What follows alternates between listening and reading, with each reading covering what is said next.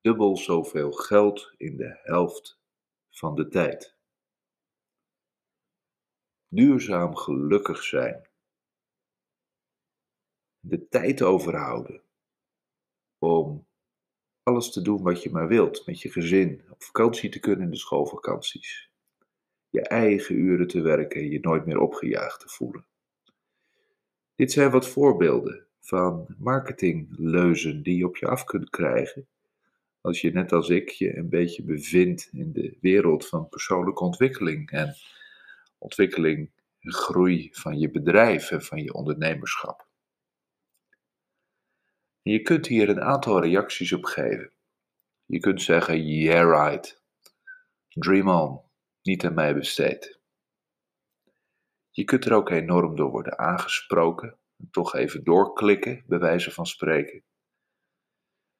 Je kunt ook iemand zijn die daadwerkelijk getriggerd raakt om dit soort resultaten, die eigenlijk als een worst voor je neus gehouden worden, daadwerkelijk na te gaan streven. En ik heb bewust deze leuzen gekozen om hier een wat meer innerlijk perspectief aan te geven. Want ik weet niet hoe het jou vergaat, maar mijn indruk is dat er nogal wat marktvervuiling is, omdat taal altijd een dankbaar middel is om ook mee te misleiden. Dus je kunt een prachtige gebakken luchtballon opblazen. En wanneer die qua taal overtuigend is, dan kan het zomaar heel wat lijken. En dan kun je daar als het ware je op gaan oriënteren. Kun je de illusie van die taal eigenlijk beetpakken zoals Instagram ook tot allerlei illusies kan leiden. En vervolgens zit je in een zoektocht die misschien alleen maar van jezelf en van je daadwerkelijke doelstellingen afbrengt. daarom leek het me goed om vandaag eens kritisch te kijken naar die grote beloftes die in de wereld van coaching en succespsychologie en persoonlijke ontwikkeling vaak worden gedaan. En waarvan ik weet dat veel mensen hierdoor getriggerd, aangesproken worden. Is ook een beetje ondeugend dus om vandaag toch de titel van de podcast zo te maken. Maar er is hier een grote verdiepingsslag te maken, waar je denk ik op de langere termijn in ieder geval verder mee komt. En waar je goed aan doet om over na te denken. Om te beginnen zijn al deze quotes een beetje gebakken lucht. En gebakken lucht wordt vaak denigrerend gebruikt, alsof het helemaal niks voorstelt. Nou, dat is niet waar, want eigenlijk heel veel therapeutische processen en coachingsprocessen zijn in essentie gebakken lucht. We proberen het wel zoveel mogelijk te bakken en meetbaar te maken, maar er is een grote mate van ontastbaarheid in. Jij voelt hem, jij voelt hem alleen. Het is strikt persoonlijk en subjectief. En we kunnen eigenlijk alleen de resultaten maar objectiveren. En zelfs dat is nog moeilijk genoeg. Je voelt dat je veranderd bent. Je ziet dat je collega's dat aan je teruggeven. Maar ja, als je resultaten echt tastbaar wil maken, dan moet je naar je bankrekening kijken. Dus dubbel zoveel geld verdienen is een prachtige indicator. Het twee keer zoveel tijd overhouden, eigenlijk ook. Maar nu moeten we kijken wie raken hierdoor getriggerd. En ik denk dat dat altijd mensen zijn met een verlangen. Een verlangen dat wordt aangesproken door dit soort universeel te begeren resultaten. Ik denk zeker in onze westerse wereld, waar we allemaal te druk zijn, allemaal streven naar succes en zelfontplooiing, dat natuurlijk dubbel zoveel geld en dubbel zoveel vrije tijd universeel triggerend is. Maar wat is dat nu eigenlijk en wat zit daarachter? En doe je er wel goed aan om zakelijke resultaten na te gaan streven? Of moet je eerst wat anders doen? Daar gaan we vandaag naar kijken. En ik zal je meteen vertellen wat ik er echt van denk. Dan hoef je niet te lang te blijven luisteren. Uh, ik denk dat dit soort resultaten uh, het heel goed doen in de marketing en heel goed werken om mensen met een verlangen te triggeren Alleen mensen met een verlangen weten niet altijd wat goed voor hen is. Je moet namelijk geld en tijd ook kunnen hanteren. Nou, dat kan lang niet iedereen. Als je geen geld hebt, denk je dat het je vrijheid geeft. Maar mensen die wel geld hebben, weten dat dat meestal niet zo is. En als je denkt dat je met twee werkdagen in de week een hoop vrije tijd overhoudt. Ik spreek uit ervaring. Ik heb ook wel van die weken dat ik maar heel weinig werk en lekker zit te mediteren, te studeren, boeken zit te schrijven. Nou, tijd is altijd zo op. Dat kun je ook vragen aan iemand die net een jaar met pensioen is. Als je die nog kunt vinden, dan krijg je denk ik een vergelijkbaar verhaal. Dus tijd en geld ook wel relatief. En ik denk dat veel mensen die getriggerd worden door krachtige marketingbeloften, eigenlijk een groot verlangen hebben wat te maken heeft met een bepaalde angst of een bepaalde specifieke pijn die zij in hun leven aan het ontlopen zijn. En voor mij als psycholoog geldt dan dat ik zeg: je kunt beter aan die pijn werken en daar je vrijheid in vinden, zodat je daarna alles kan doen waar je zin in hebt, dan dat je een enorm circus moet optuigen om eigenlijk die pijn met allerlei omwegen beheersbaar te maken. Ik zal het uitleggen. Twee keer zoveel geld en twee keer zoveel vrije tijd. Wat maakt dat je daar nou eigenlijk naar verlangt? Nou, misschien is je huwelijk een keer gestrand omdat je veel te veel aan het werk was. Misschien merk je dat het je gezondheid kost, dat je hobby's of ontspannende activiteiten eronder lijden, dat je te weinig ruimte voelt om gewoon eens een keer tot rust te komen en te zijn. Allemaal voorbeelden van situaties die voor ondernemers niet denkbeeldig zijn. En waarom je naar tijd kunt verlangen. Waarom kun je naar geld verlangen? Nou, dat lijkt heel simpel, want geld kun je voor alles inwisselen. En dat maakt natuurlijk ook dat het onze belangrijkste afgod is. Maar waar staat dat geld nou eigenlijk voor? Betekent het bijvoorbeeld dat je jezelf kunt vertellen hoeveel ton of hoeveel miljoen je dit jaar hebt verdiend? En dat je dan eigenlijk wel succesvol bent geweest? Eigenlijk voor de kick van de effectiviteit. Het is me gelukt. Zie je wel, ik kan dit wel. Of zit daar een hoger doel achter? Geeft het je een groot plezier en vervulling dat je daarmee iets hebt kunnen bereiken, wat eigenlijk ook waarde houdt? Of ben je eigenlijk altijd aangezien voor het halfje van de klas en vind je het ook wel heel erg leuk om al die kneuzen van leeftijdsgenoten te logenstraffen en met een hele grote auto rond te rijden, omdat je weet dat jij dat kan, omdat je zo hard gewerkt hebt? Ben je nooit gezien ten diepste door je eigen vader en moeder? En is het daarom een obsessie voor je geworden om wel gezien te worden op een materiële manier? Je voelt al wel aan, dit zijn tegenstellingen van een diep therapeutisch en een bijna, bijna platvloers financieel karakter. En ik wil geld helemaal niet platvloers maken, want je kunt er fantastische dingen mee doen. Maar geld gaat vaak wel over hele simpele dingen. En dat geldt ook voor tijd. Tijd is even als geld iets wat staat voor vrijheid en voor keuzemogelijkheden. Want als je alle tijd van de wereld hebt, ja, dan kun je dus ook alle dingen van de wereld doen. Als je daar tenminste ook het geld voor hebt, hè, want dan moet je reizen en dat kost weer wat. Maar hier kan een hele ideologische wereld eigenlijk uitkomen. Wat zou ik dan doen als ik zoveel tijd had? En hoe zou het leven dan voor me veranderen? En ik denk dat het hier belangrijk is om je af te gaan vragen waarom dit zoveel waarde voor jou zou hebben. En om te beginnen gaat het over iets wat je nu nog niet hebt, of ervaart niet te hebben. Je moet je namelijk wel realiseren dat alle begeerten en verlangens een innerlijk gegeven zijn. Dus de Innerlijk Leven podcast kan wel over geld en tijd gaan, maar het gaat dan eigenlijk over een verlangen wat in jouw binnenwereld huist.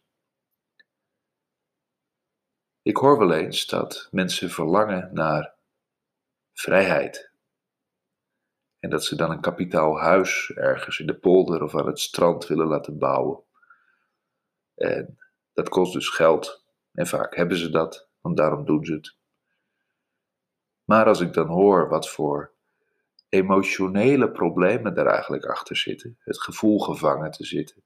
Altijd weer die buurman voor je langs zien lopen waar je gestoord van wordt. Of een stinkend bedrijf in de omgeving waar je dagelijks mee geconfronteerd wordt. Is op zichzelf natuurlijk heel vervelend en hartstikke echt. Maar het geeft ook wel aan hoeveel materiële moeite je kunt doen voor iets wat in essentie gewoon een emotioneel probleem is. En stel nu dat er een bepaalde vorm van hypnose zou bestaan, waardoor je in één of twee sessies zo'n probleem weg kunt knipperen. Dan is het toch ineens een duur nieuwbouwproject geworden. En dat wil ik je eigenlijk als allereerste meegeven. Begeerten en verlangens die wortelen in een tekort wat wij van binnen ervaren. En zo'n tekort lijkt vaak heel praktisch. En dat is het vaak ook wel. Dus als je ondernemer bent en je bent druk, dan is natuurlijk tijd schaars. En als je altijd grote plannen hebt, heb je nooit genoeg geld. En als je altijd ambities hebt, dan heb je eigenlijk ook nooit genoeg tijd. Want er valt altijd wat te ontwikkelen en je moet weer wat door te denken. En ik ben de laatste om te zeggen dat ik dat niet ergens ook herken. Maar dat verlangen is in wezen ook gewoon innerlijk, is gewoon een emotie. En kijk even uit voor je die emotie of dat verlangen gaat vertalen in iets tastbaars en geldelijks en zakelijks. Want wellicht sla je dan een paar stapjes over. Ik zou je wat dat betreft graag willen brengen bij een uh, term die ik zelf noem de ring van de vermijdingen. Dus de ring van de vermijdingen. Het beeld hiervan is de steen in de vijver. Je gooit hem in het midden en er komen allemaal van die cirkels omheen. En een ander beeld is een jaarring of een reeks jaarringen in een boom. Als je een boom ziet met het centrum in het midden en wat daar aan ringen omheen is gekomen. We kennen dit begrip vanuit de psychologie wanneer mensen aan de slag gaan met het vermijden of het compenseren van hun eigen angsten en pijnen. Je kunt dus zogezegd een heel circus optuigen om een bepaalde angst niet te voelen. Voorbeeld, je bent sociaal angstig. Dan kun je bijvoorbeeld om te beginnen je boodschappen thuis laten bezorgen. Of je kunt je boodschappen gaan doen in de daluren, zodat je minder mensen tegenkomt. Dan zit je nog steeds wel met die cashier die even goedemorgen moet zeggen, waar je even een moment van gesprek mee hebt. Nou, dat kun je vervolgens weer ondervangen door te zorgen dat je gebeld wordt op dat moment. Ik geef maar een heel lullig, simpel voorbeeld hoe het kan werken. Dat je steeds allemaal stappen extra gaat zetten om eigenlijk bij een in oorsprong best wel overzichtelijk probleem vandaan te blijven. Namelijk gewoon tientallen lang voelen dat je een vorm van angst ervaart. Alsof je die tientallen niet zult overleven. Alsof je dat niet even kunt ervaren en gewoon kunt doorgaan met in- en uitademen en vervolgens weer naar huis kunt lopen vanuit de supermarkt. Nou, de supermarkt is misschien niet het meest herkenbare voorbeeld, wel duidelijk. Breng het nu eens over naar jezelf. Ben je angstig om je podium te pakken en je echte visie uit te dragen? Omdat je, als je dat echt zegt, ook echt kunt worden afgewezen. Ben je bang om een stuk van jezelf te ontwikkelen waar je eigenlijk geen controle meer over hebt? Als je weet dat het een keer moet gebeuren, maar het is makkelijker om gewoon lekker de controle vast te houden. Ben je bang om jezelf echt open te stellen in relaties met je collega's, met je klanten, met je personeel, terwijl je weet dat dat eigenlijk beter zou zijn in deze? Ben je bang om een grote stap te zetten, omdat je wel weet wat je hebt, maar niet wat je krijgt? Dit zijn voorbeelden van eigenlijk aan ondernemerschap en leiderschap verwante moves die je wel of niet gaat maken, die ergens een plaats kunnen hebben in zo'n ring van vermijdingen. Er is een verlangen, er is een angst, er is een pijn. En omdat jij daar niet aan wilt, durft, ga je van alles extra doen of juist laten, wat eigenlijk heel veel kwaliteit van leven en ook heel veel succes op zakelijk vlak kan kosten. En natuurlijk hou je dat verlangen wel levend, want ja, het is niet leuk om zo'n hele cirkel met allerlei extra inspanningen te hebben. En zo'n ring van vermijdingen kost heel veel energie, verwijdert je steeds verder van jezelf.